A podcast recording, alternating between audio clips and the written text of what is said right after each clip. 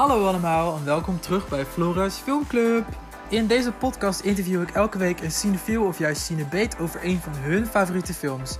Ik ben Flora Woudstra Hablé, schrijver, podcastmaker, pizzabezorger en ik ben niet Boeboe de Fool. Mijn gast deze week is dat ook niet. Bij mij in de digitale studio is aangeschoven. Hij is jurist, hij is nerd eerste klasse, hij is mijn brother from another mother bij het Cultuur, mijn andere podcast.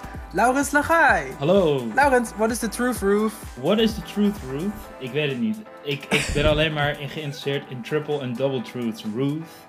Uh, plus, het voelt niet als mijn plaats om uh, de truth te droppen. Dat hou ik uh, over aan Love FM. Yes, we lichten al een beetje een tipje van de sluier op. Want je hebt een film meegenomen uit, hoe heet het ook alweer? een of andere wijk in Brooklyn, New York. Ja, de film die ik heb meegenomen, Flora, is Do the Right Thing. geregisseerd door Spike Lee. Uh, uit het jaar 1989. En deze film speelt zich af in Brooklyn in New York. Ja. Specifiek in de wijk Bedford-Stuyvesant. Dus ook vernoemd naar onze eigen Peter Stuyvesant. Alright. En dat wordt ook wel, ook wel Bed-Stuy genoemd in de, in de hood. En nou, dat is, een, dat is een bekende buurt. Want ja. veel rappers, veel bekende rappers, die komen ook uit die buurt. Dus bijvoorbeeld Biggie Smalls of een Jay-Z. Hmm. Uh, volgens mij ook Talib Kweli. Die zijn opgegroeid in die buurt. Uit. Dus daarmee heb ik ook al meteen een klein beetje een reden gegeven waarom ik deze film heel leuk vond. Vind ook nog steeds. Um, ik ben al sinds jaren dag hip-hop fan. En deze film speelt zich gewoon af in een buurt die nou ja, doordrenkt is van zeg maar de urban culture uh, die hip-hop etaleert. Ja. En hip-hop speelt ook een rol in de film. Dus dat, dat zijn in elk geval al een paar dingen die mij aanspreken. Ja, ik, ik moet ook zeggen, het verraste me dat je met deze film kwam. Niet omdat ik, ik zeg maar, ik weet dat je hip-hop fan bent, maar als iemand mij een film aanraadt, ga ik er altijd helemaal blind in. En ik downloadde deze film en ik dacht, yo, dit is die film van Spike Lee. dit is echt heel, uh -huh. heel uh, ja, black film, zeg maar. En je bent niet per se heel black. Dus ik was ik ben, een beetje ik verrast. Ben, la, la, laten we zeggen, uh, huidtechnisch gezien ben ik niet zwart. um, dat, dat is een kleine, een soort biologisch obstakel waar ik uh, zeker vroeger last van had. Ja. Maar, um, uh, maar nee, desalniettemin, of misschien juist daarom, uh, spreekt de film mij wel aan. Ja. Want begrijp ik goed dat jij hem dus nog niet had gezien? Nee, ik had hem nog, nog nooit gezien inderdaad. Ik ken natuurlijk wel Spike Lee als regisseur van, um, nou noem eens wat Spike Lee. Jeetje, wat val ik hier door de mand? Ja. Je valt zwaar door de mand. Misschien moet ik die podcast maar even van jou overnemen. Black Clansman. Moet ik, moet, ja. Black, Black Clansman, inderdaad. Ja. She's Gotta Have It is ook een Spike Lee film waar ik nu um, aan denk. Opkom. ja. Dus, ja, ja. ja. Dus hij heeft wel het een en het ander iconische film gemaakt. Nou ja, um, je noemde net Black Clansman. En uh, um, op een andere podcast die ook al eerder is genoemd, Het Cultuur, ja. hebben ik uh, en een aantal mensen die jij ook goed kent het al een keer gehad over deze film. Ja. Net als in die film wordt in Do the Right Thing uh, een favoriet thema van Spike Lee aangesneden, namelijk ja, racial relations. Want ja. Het kenmerkende is dat het zich dus afspeelt uh, in een buurt waar verschillende etnische groepen naast elkaar leven in een soort van, ja, laten we zeggen, ongemakkelijk equilibrium. Ja, een soort precaire balans. Ja, ja precies. Dus ze, het, het, het gaat allemaal net, maar er zit genoeg frictie tussen. En um, deze film speelt zich af op een hele hete dag, de allerheetste dag uh, van dat jaar. Ja. En dat betekent ook dat de racistische tendensen die altijd al onder de oppervlakte zitten, uh, dat die dan opeens naar boven komen. Ja, ik wilde je dus net vragen, dat is een beetje de samenvatting van het verhaal van de film ook, toch? Ja, precies. Min of meer. En wie zijn de hoofdpersonen in de film? Is er een soort van plotline die we volgen of is het meer... Nou, de, de, de film is, uh, heeft een duidelijke main character. Dat is uh, Mookie. En Mookie wordt ook gespeeld door Spike Lee zelf. En Mookie really? is een... ja. Dat is Spike... Dat is Spike niet. Lee. Ja, joh. Dat wist je niet? Nee. Nou, dat is, dat is dus Spike Lee. En ik kan je vertellen, Ja. hij ziet er vandaag, vandaag de dag niet per se beter uit. Nou, ik spotte wel ehm, Giancarlo Esposito in eh, een rolletje. Klopt, klopt. Ja. Ja, Giancarlo Esposito, die kennen we, kennen kijkers vast van eh, Breaking Bad en Better Call Saul. Ja. Hij is, eh, hij is Gus Fring, de, de chicken man Ja. van eh, Los Pollos Hermanos. En in deze film speelt, eh, speelt hij Buggin' Out. En Buggin' Out speelt ook een belangrijke rol in, in het plot. Ja. Want om even terug te komen bij dat plot, het gaat dus over Mookie. En Mookie is een pizza bezorger voor een lokale pizzeria. Sal's Famous Pizza. En Sal is natuurlijk gewoon een Italiaans-Amerikaanse kerel, dus die is wit. Terwijl Mookie is zwart en het grootste deel van de buurt is ook zwart. Dus daar zit al zeg maar, de, de kern van de spanning in. Ja. Dus op een dag eh, komt Buggin' Out, dus die vriend van, eh, van Mookie, die komt langs en die gaat een pizza eten daar. Heeft een beetje een grote bek en, op, en dan ziet hij op een gegeven moment dat eh Sal heeft een, een wall of fame. En daar hangen dus allemaal eh, nou ja, grote namen, grote, foto's van grote celebrities. Maar dat zijn allemaal types zoals eh, Frank Sinatra, Al Pacino, Robert De Niro. Ja. Ja. allemaal grote Italiaans-Amerikaanse helden. Ja. Eh, dan zegt Buggin' Out, hoe kan het dat er eigenlijk alleen maar witte dudes hangen? Waarom hangen er geen zwarte kerels? Want ja, het kan best zijn dat jij een eh, Italiaans-Amerikaanse kerel bent, maar kijk naar je klanten. Iedereen die hier komt en geld uitgeeft is zwart. Dus wij hebben er ook wat over te zeggen. Ja. Nou, en dat, dat is dan eigenlijk de, de eerste bron, zeg maar, van, eh, van racial conflict. Eh, en eh, ja, en hoe de film verder verloopt is, Mookie is, ehm, is, is niet de beste pizzabezorger. Nee. Cel is eigenlijk best wel een soort van vaderlijk figuur. Hij heeft Ja. wel een beetje een kort lontje, maar, maar ontfermt zich wel een beetje over, over iedereen. En hij zegt ook tegen Mookie, you're kind of like my, uh, I see you as a son. Ja. Maar Mookie, die elke keer als hij een pizza gaat bezorgen, dan neemt hij eigenlijk de gelegenheid om lekker ondertussen met zijn vrienden te chillen en een beetje in avonturen te belanden. En op die manier zie je ook verschillende eh, personages in, eh, in de buurt, waardoor je ook gewoon een beetje een, een beeld krijgt van die community en de onderlinge verhoudingen. En eh, nou ja, ik zal het einde van de film niet verklappen, maar eh needless to say gaat het allemaal escaleren en eh, nou ja, komt alles bij elkaar in een eh, vrij, vrij heftige klimactische scène, zou je wel kunnen zeggen. Nou, ik heb een, een vraag daarover, want ehm, ik denk dat zeg maar, sinds Black Lives Matter als movement groot is geworden in Amerika, zijn er vrij veel films geweest over ehm, ja, zwart lijden, om het zo maar te zeggen. Natuurlijk waren die er altijd al, maar eh, nu zijn het echt de grote bioscoophits. Mhm. Ik denk even aan eh, Get Out, eh, If Beale Street Could Talk. Ja, en tw- tw- 12 Years a Slave. Ja, 12 Years a Slave. Ehm, maar hoe past deze film in datzelfde rijtje? Want eh, is deze film heel serieus? Ik, ik snap zeker je vraag, want ehm, er zitten absoluut ook genoeg komische noten eh, in de film.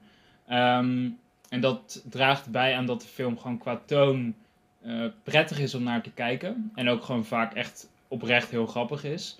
Maar ik vind persoonlijk niet dat dat afdoet aan, ehm, aan hoe serieus het thema en het onderwerp is en hoe dat wordt neergezet. Ik, ik denk dat het misschien daardoor juist wel sterker is, want het past in zo'n soort literaire traditie van.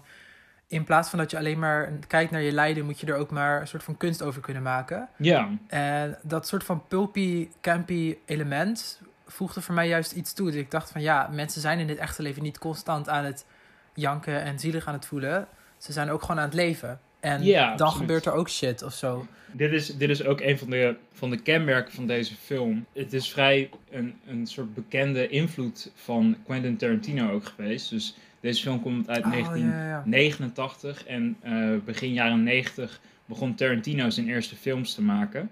En Tarantino staat natuurlijk altijd heel erg bekend om eh, zijn dialogen. Ja. Zijn vaak een beetje gesprekjes over niks die grappig zijn en vaak meer reflecteren hoe mensen echt praten. Ja, Want vaak zijn dialogen in films zijn zeg maar van die heel erg overdreven, poëtische of te mooi opgezette dingen. Of ze geven uitleg aan de kijker over het plot. Ja. Maar in het echt doen mensen dat niet. In het echt praten mensen gewoon over bullshit en zeggen ze, hé, waar de fuck heb jij het nou weer over? ja, ja, ja. et cetera. Ja.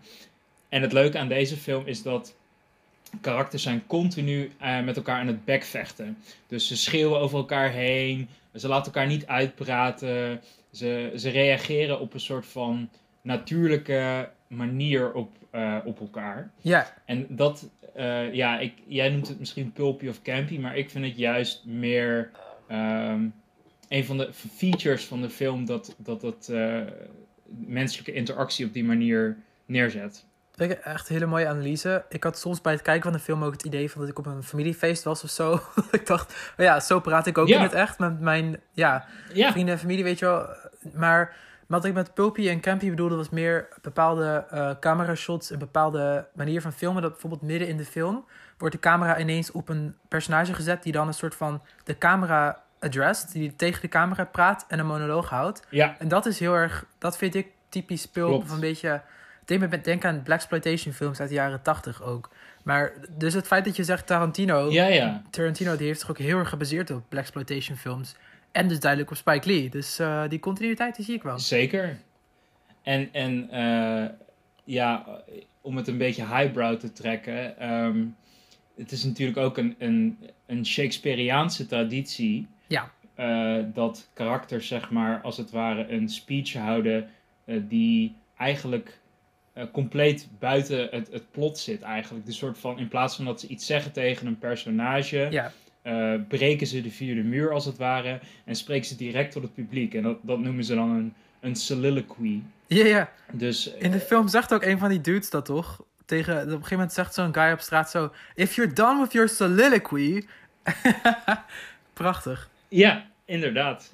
Vond ik ook mooi. En eh, eh, dat is ook een van de dingen waar de film, vind ik, humor uitput. Is dat veel van de personages zijn, ehm, nou ja, laten we zeggen, street kids. Ja. Die, eh, nou, laat, laat ik zo zeggen, zich meer kenmerken door hoe scherp ze van tong zijn en wat voor coole kleren ze zich aan hebben, dan dat ze echt eh, bijzonder intellectueel zijn. Ja. Maar ondertussen gebruiken dat soort karakters wel allemaal woorden als soliloquy en zo. Van af en toe maken ze gewoon observaties die gewoon out of character, slim of eh, mooi geformuleerd zijn. en dat vind ik juist weer extra grappig aan de film.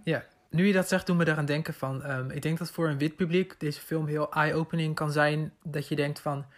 Je moet je realiseren dat zwarte mensen in Amerika en vooral van New York... hebben echt de cultuur van Amerika zo ongeveer bepaal- be- bepaald. Ja, Want slangwoorden die nu nog steeds worden gebruikt in hedendaags Amerika... die vinden hun origine, die worden in deze film gebruikt. absoluut. Alright, bad. Alright, bet. Eh, weet je wel, bad is, eh, is eh, gewoon black slang. En dat wordt de laatste paar jaar meer in de mainstream gebruikt. Maar die zie je dat van, oh ja, dat wordt door zwarte Amerikanen al heel lang gebruikt. Of eh, wat ik zei, boeboe de fool. Ja, dat, die, die, die ging compleet over mijn hoofd heen, moet ik zeggen. Oh. Nou, op Twitter zeggen mensen heel vaak van, I am not boeboe the fool. En ik heb dus een tijdje gedacht van, oké, dit is gewoon een Twitter-ding. En toen op een gegeven moment kwam ik erachter, nee, dat is black American slang. En bij het kijken van deze film dacht ik, oh, het is echt heel oud ook. Ja, weet je wel? right, right. Ja, nee, het wordt echt al heel lang gezegd. Ja, klopt. En eh, om dat punt van jou een beetje door te trekken. Er, er is letterlijk geen enkel genre van populaire muziek wat je nu kan luisteren. wat niet door zwarte Amerikanen is gestart. Ehm, Ja, ook al is het misschien zo. eh, Het is misschien pas in recente jaren zo dat hip-hop het meest dominante genre is. Waardoor je ook meer eh, zwarte artiesten in de top 40 ziet staan.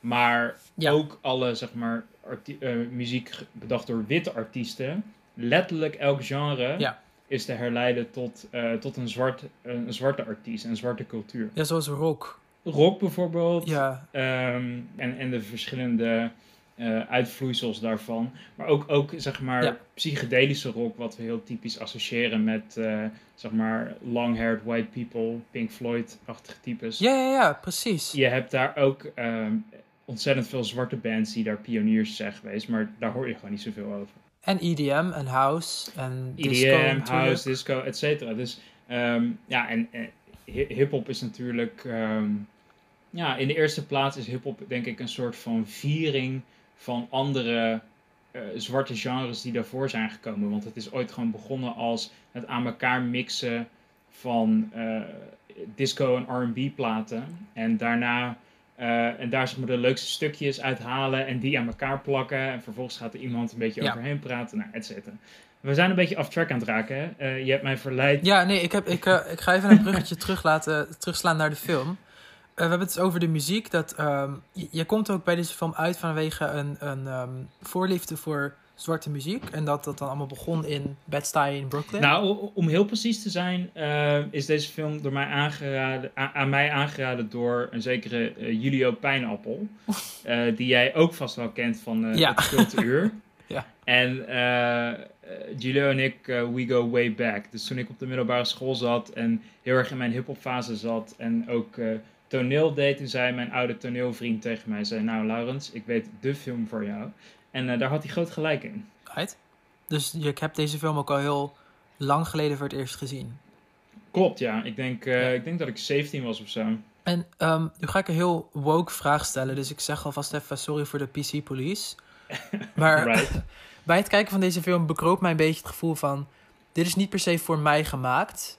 Als in de zin van... eh, weet je, zeg maar, voor zwarte mensen zal het heel herkenbaar zijn. En voor...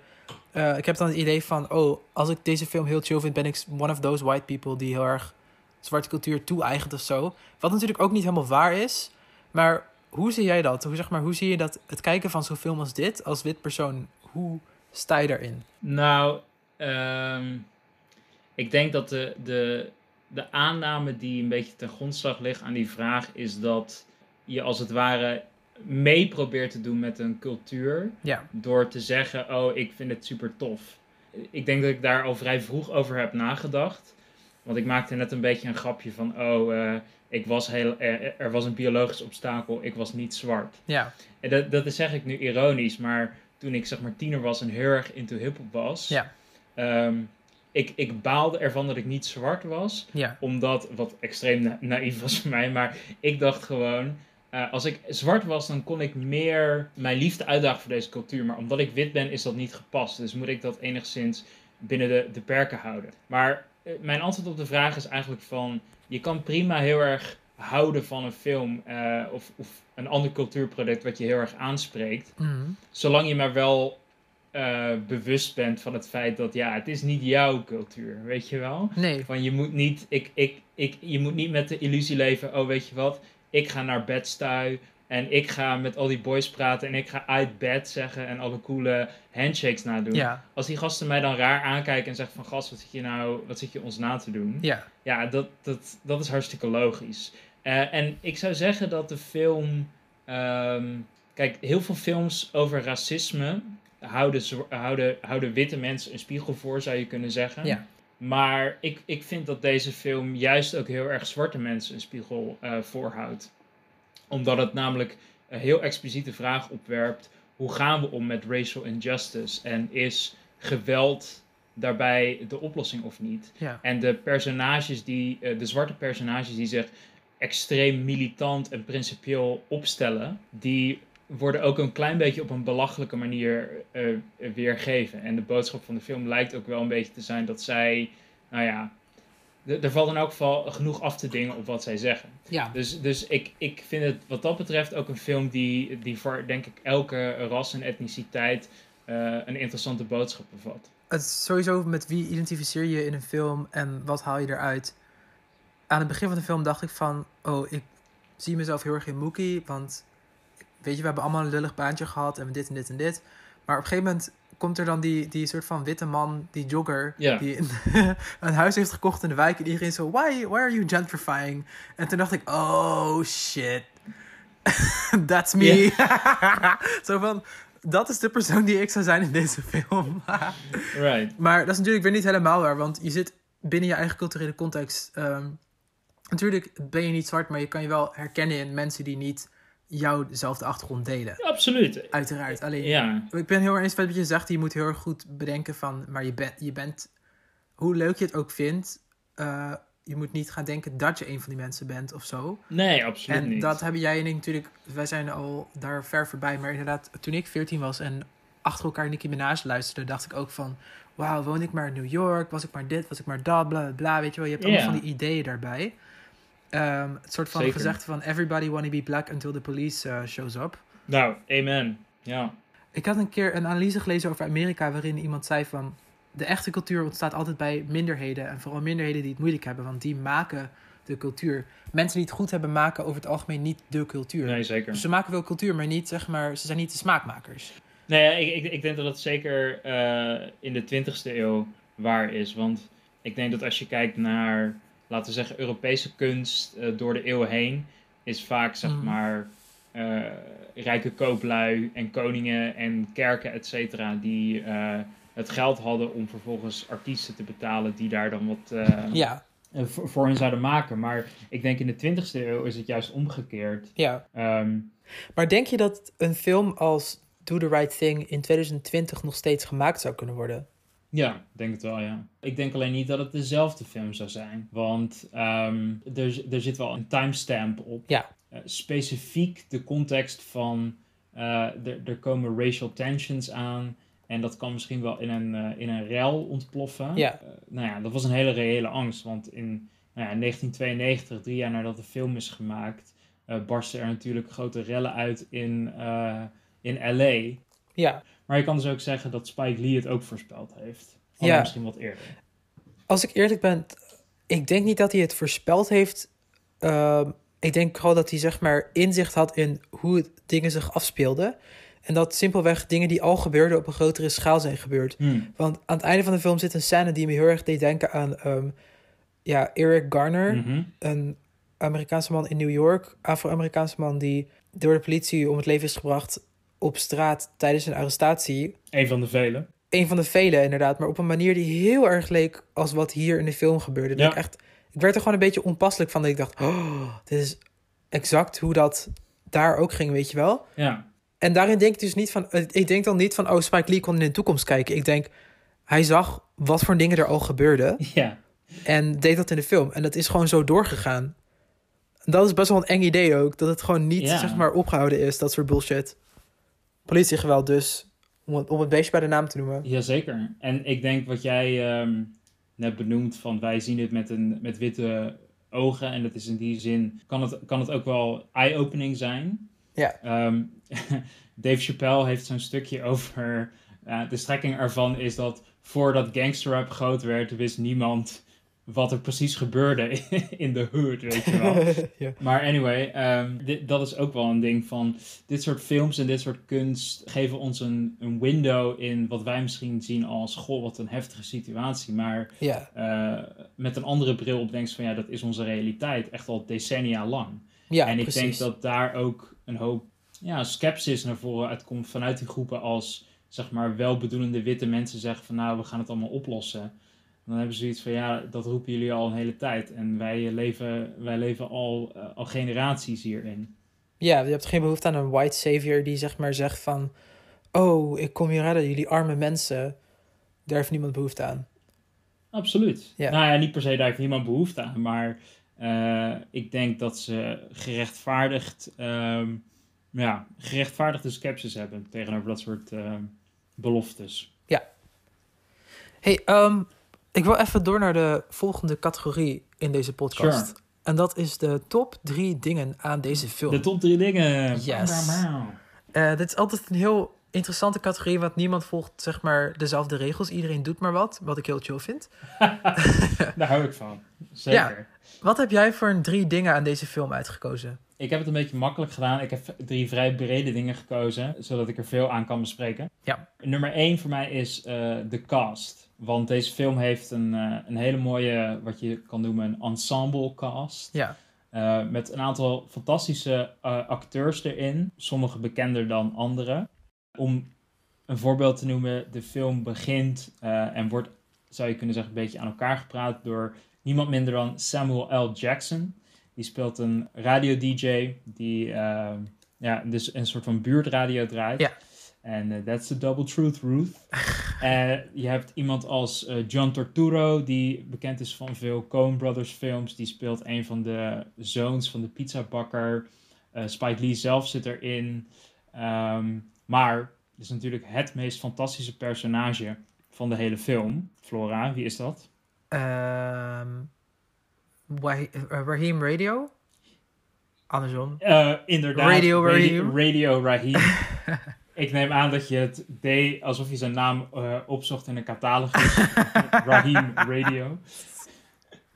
Nee, maar eh, Radio Raheem is, is de, de coolste dude, eh, gespeeld door Bill Nunn. Ja. En hij is ook iemand die ehm, ja, een hele grote rol speelt in, eh, in de film. Ja. Hij geeft ook een hele beroemde speech waarin hij het heeft over love en hate. Ja. En de, de frictie die daartussen ontstaat. En daarmee eh, vertelt hij eigenlijk ook een beetje aan de kijkers van wat het thema is van de film. En dat wordt dan ook weer verder gekoppeld aan uh, Malcolm X en Martin Luther King, die alle twee rond dezelfde tijd uh, zwarte activisten waren in de Civil Rights Movement. Ja. Maar alle twee een ander type aanpak voorstonden. Dus Martin Luther King was natuurlijk vanuit de christelijke traditie van turn the other cheek en geweld kan nooit de oplossing zijn, vreedzame protesten, et cetera. Ja.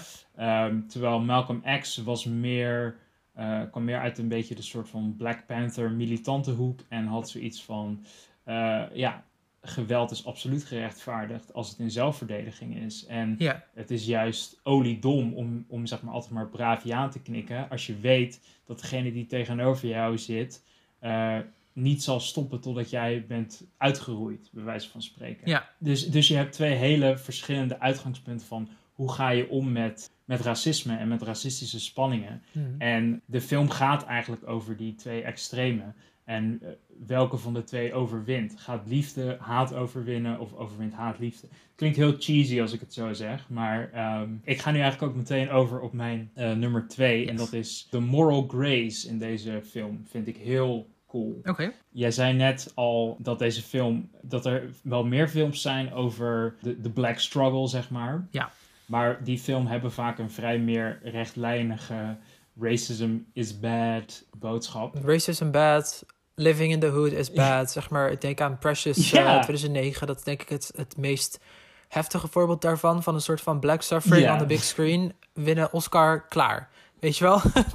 Exact. Of ze, en, en Ja. zelfs films die, eh, zeg maar, classic black films, zoals Boys in the Hood en Menace to Society, ja. schilderen een vrij grimmig beeld af van, eh, van de hood en van de system en zo.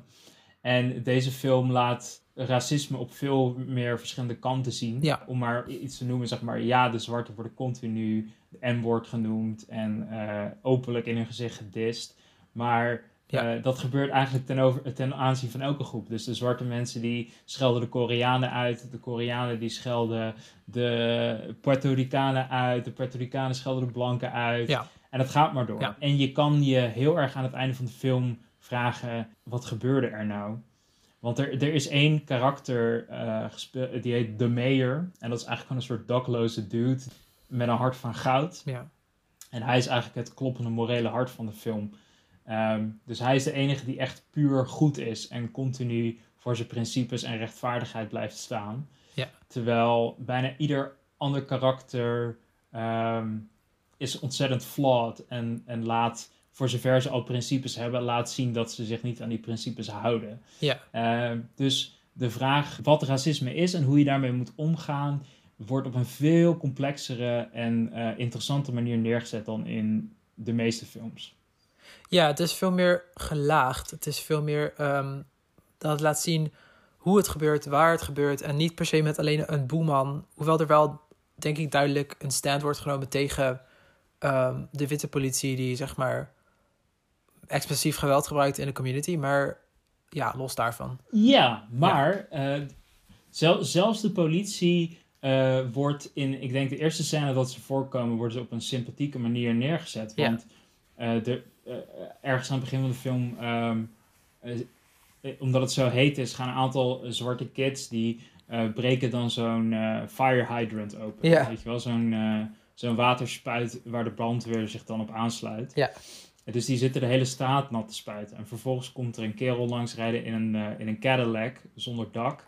En die zegt tegen de kids, hé, hey, hou even op met water spuiten. Ja. Zodat ik er langs kan. En vervolgens spuiten ze zijn hele auto onder. ja. Nou, de politie komt langs. En uh, die gast die zit helemaal te rellen van, ja, je moet er wat tegen doen en zo. En je merkt gewoon dat die politie het totaal niet serieus nee. neemt. En gewoon denkt, ja, dit zijn gewoon buurtkinderen. Ja. Laat die gast lekker, lekker lullen, weet je wel. Ja, dus precies. ook de politie is niet zeg maar 100% evil. Hoewel het na het einde van de film weer, nou ja, ontkracht wordt. Maar goed. Is er, ik denk in de zin van, als, je het, als het gaat om het laten zien van de struggle, is dit een heel effectieve film. Dat het niet een soort van moralistische boodschap heeft, maar gewoon ook echt entertainment is met toch een duidelijke um, verhaal van dit is wel hoe het gaat, jongens. Dit is wel hoe het gaat met, oh, zeker. met cops en met racism en bla bla bla. Maar het is niet zeker. moralistisch van kijk hoe slecht deze mensen het hebben. Oh, weet je wel? absoluut. Zeg maar, kijk, uh, wordt op een gegeven moment. ehm, eh, de, dus de, de pizzeria-eigenaar, die wordt. Ja, op een gegeven moment wordt hij wel een beetje verguisd. En wordt hij soort van tot het symbool van alles wat er mis is eh, gemaakt. En hij, hij doet voordat dat gebeurt, doet hij ook wel iets wat. eh, nou ja. Wat heel verwerpelijk is. Maar in de rest van de film toont hij zich juist extreem tolerant en vriendelijk. En echt als een vaderfiguur op. Ja. Ehm, dus ja, deze film heeft bijna geen pure good guys en bijna geen pure bad guys. Ehm, dus ja, dat, dat, is, dat is ontzettend knap van de film. Ja. Mijn nummer drie van de film is de soundtrack. Jee. Want ja, Radio Raheem is eh, eh, bekend personage en die loopt rond met een boombox waarop je de theme song hoort van deze film. En dat is het nummer Fight the Power van Public Enemy. Ehm, ja. wat natuurlijk een vet nummer is. Uh, maar Ja. ook de rest van de film zit vol met ehm, verschillende typen muziek. En eh, je kan natuurlijk als kijker niet de hitte voelen eh, die je op, op het scherm ziet. Maar Ja. wa- wat ze wel heel tof doen is dat je zintuigen continu geprikkeld worden. Dus mensen zijn aan het schreeuwen en eh, er staat harde muziek en mensen praten door elkaar en je ziet Hm. eh, overal kleuren en ehm, dat, dat gevoel van dat je eigenlijk soort van overgestimuleerd wordt en dat je denkt, ah, ik word er helemaal gek van. Dat is uiteindelijk wat al die personages voelen op die hete dag. En de soundtrack. Eh, draagt, er, draagt er enorm aan bij. Dus dat, eh, dat is mijn nummer drie van wat ik heel lauw vind aan deze film. Mooi. Ik ga even een stukje van Fight the Power erin eh, monteren. Boom.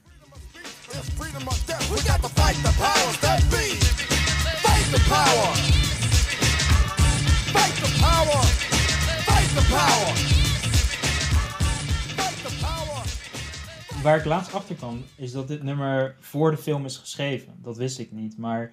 Oh. Ik, Echt? Ja, ik, ik dacht altijd, het is gewoon een Oh. bekend Public Enemy nummer. Maar ehm, eh, Spike Lee kent Chuck D, de rapper van eh, Public Enemy. Ja. En had hem blijkbaar eh, gevraagd van, hey, kun je een, kun je een nummer vragen? Kun je een nummer maken? Dus ja, Sick. Ik dacht dus altijd dat het gewoon een al bestaand nummer was, wat ze gewoon had eh, gebruikt voor de film. Maar Ja, dat zou ik ook denken. als je erover nadenkt, is het ook wel logisch. Want hij past, de fil- het past zo perfect bij de film dat het bijna absurd is. Dat is echt gek, dat wist ik totaal niet. Ik keek deze film en ik dacht, hé, hey, dat, dat nummer, Fight the Power. En ik had nooit die connectie gemaakt dat het voor deze film was geschreven. Dat is echt sick. Ja. Nee, ik ook niet. Totdat ik hem gisteren weer zag. Hey, en ehm, dan komen we bij de volgende vraag aan, namelijk... Wat zijn vergelijkbare films die je zou kunnen aanraden? Vind ik een hele goede vraag. Eh, ik denk ook niet een vraag waar ik snel antwoord op heb. Want ik vind de film heeft wel echt iets ontzettend unieks. Ja. Eh, er zijn films die eh, de stijl hebben van deze film. Veel Tarantino films. Eh, er zijn films die de onderwerpen van deze film aankaarten. Of die de setting van deze film hebben. Maar Ja. ik denk dat deze film wel heel uniek is in het bij elkaar gooien van alles in één, eh, één recept. Dus Ja. ik, er is niet een film die ik er heel snel mee zou vergelijken. Behalve misschien andere Spike Lee films. Oké. Ik weet niet hoe dat voor jou is. Ehm, ik denk dat ik op zich met je eens ben in de zin dat er weinig films zijn die er echt, echt op lijken. Eh, het is een unieke combinatie van elementen namelijk. Het dichtst bij wat ik kwam was eh, Sorry to Bother You, eh, 2018 van Boots Riley. Ik weet niet of je die kent. Nee, ken ik niet. Dat is een film met in de hoofdrol Lakeith Stanfield, ook van Get Out. Het is een komische pulpfilm over de struggles van ehm, Afro-Amerikanen, maar dan in de moderne tijd. En het gaat over een man die zeg maar een perfecte witte stem kan doen op zijn baan als telemarketer en daardoor heel veel dingen verkoopt. Hmm. Maar het wordt zeg maar steeds gekker en gekker, want ehm, ja, het neemt steeds absurdere vormen aan de film. Deze film deed me daarom denken dat het dus allebei absurdistische verhalen zijn over African American struggles. Al moet ik wel zeggen, Sorry to Bother You is veel, veel, veel bizarder, absurder. ja. eh, en is helemaal losgeslagen van de werkelijkheid. Terwijl Do the Right Thing gewoon best wel realistisch overkomt op zich. En, en, en nog een leuk bruggetje. eh, in Black Clansman, ook van Spike Lee dus, Ja, gebeurt hetzelfde. Want eh, de hoofdpersoon van Black Clansman weet te infiltreren in de Oh, ja. KKK. door te bellen met KKK-leden en een white voice op te doen. Ja, ja, ja, precies. Nou ja, het laat maar zien. Het is van levensbelang dat je een, eh, kan code switchen. Dus een andere stem kan opzetten. Oh, zeker. Ja. Ik weet ook dat jij, zeg maar, normaal gezien een heel Rotterdamse accent hebt, maar dat het ook gewoon nu verbergt, zeg maar. Hoe heb je het over? Alright. Ehm, heb je nog iets toe te voegen? Als de luisteraar nog niet is afgehaakt naar onze langdradige rant, dan hoop ik dat de boodschap duidelijk mogen zijn. Je moet deze film absoluut gaan kijken. En hem eh, misschien daarna nog een keer kijken. Nee, ik, ik heb er verder weinig toe te voegen. Het is echt een hele toffe film. En ik ben heel blij dat jij mij had gevraagd. Ja. eh, of eigenlijk dat ik jou had gevraagd of jij mij zou willen vragen voor jouw podcast. Ja. Want eh, het gaf mij de gelegenheid om deze film weer eens te zien na een eh, heel aantal jaar. En het is altijd heel fijn als je dingen die je uit je jeugd echt een soort heilige status hebben, dat je die met de ogen van nu kan kijken en dat je je realiseert van, oh ja, ik, ik zat er niet naast. Het was niet een getuige van mijn slechte smaak toen. Nee. Ik had toen ook al een goede smaak, want het is echt een verrekt goede film. En eh, dus daar ben ik heel blij om dat je me weer de gelegenheid hebt gegeven om deze film te kijken. Dat is echt nice. Ja, ik vond het ook een hele goede film. Eh, in dat geval zeg ik, eh, it's a very hot day today in Brooklyn. And we're signing off Flora's Film Club. Dankjewel, Laurens. Dankjewel aan onze twee luisteraars.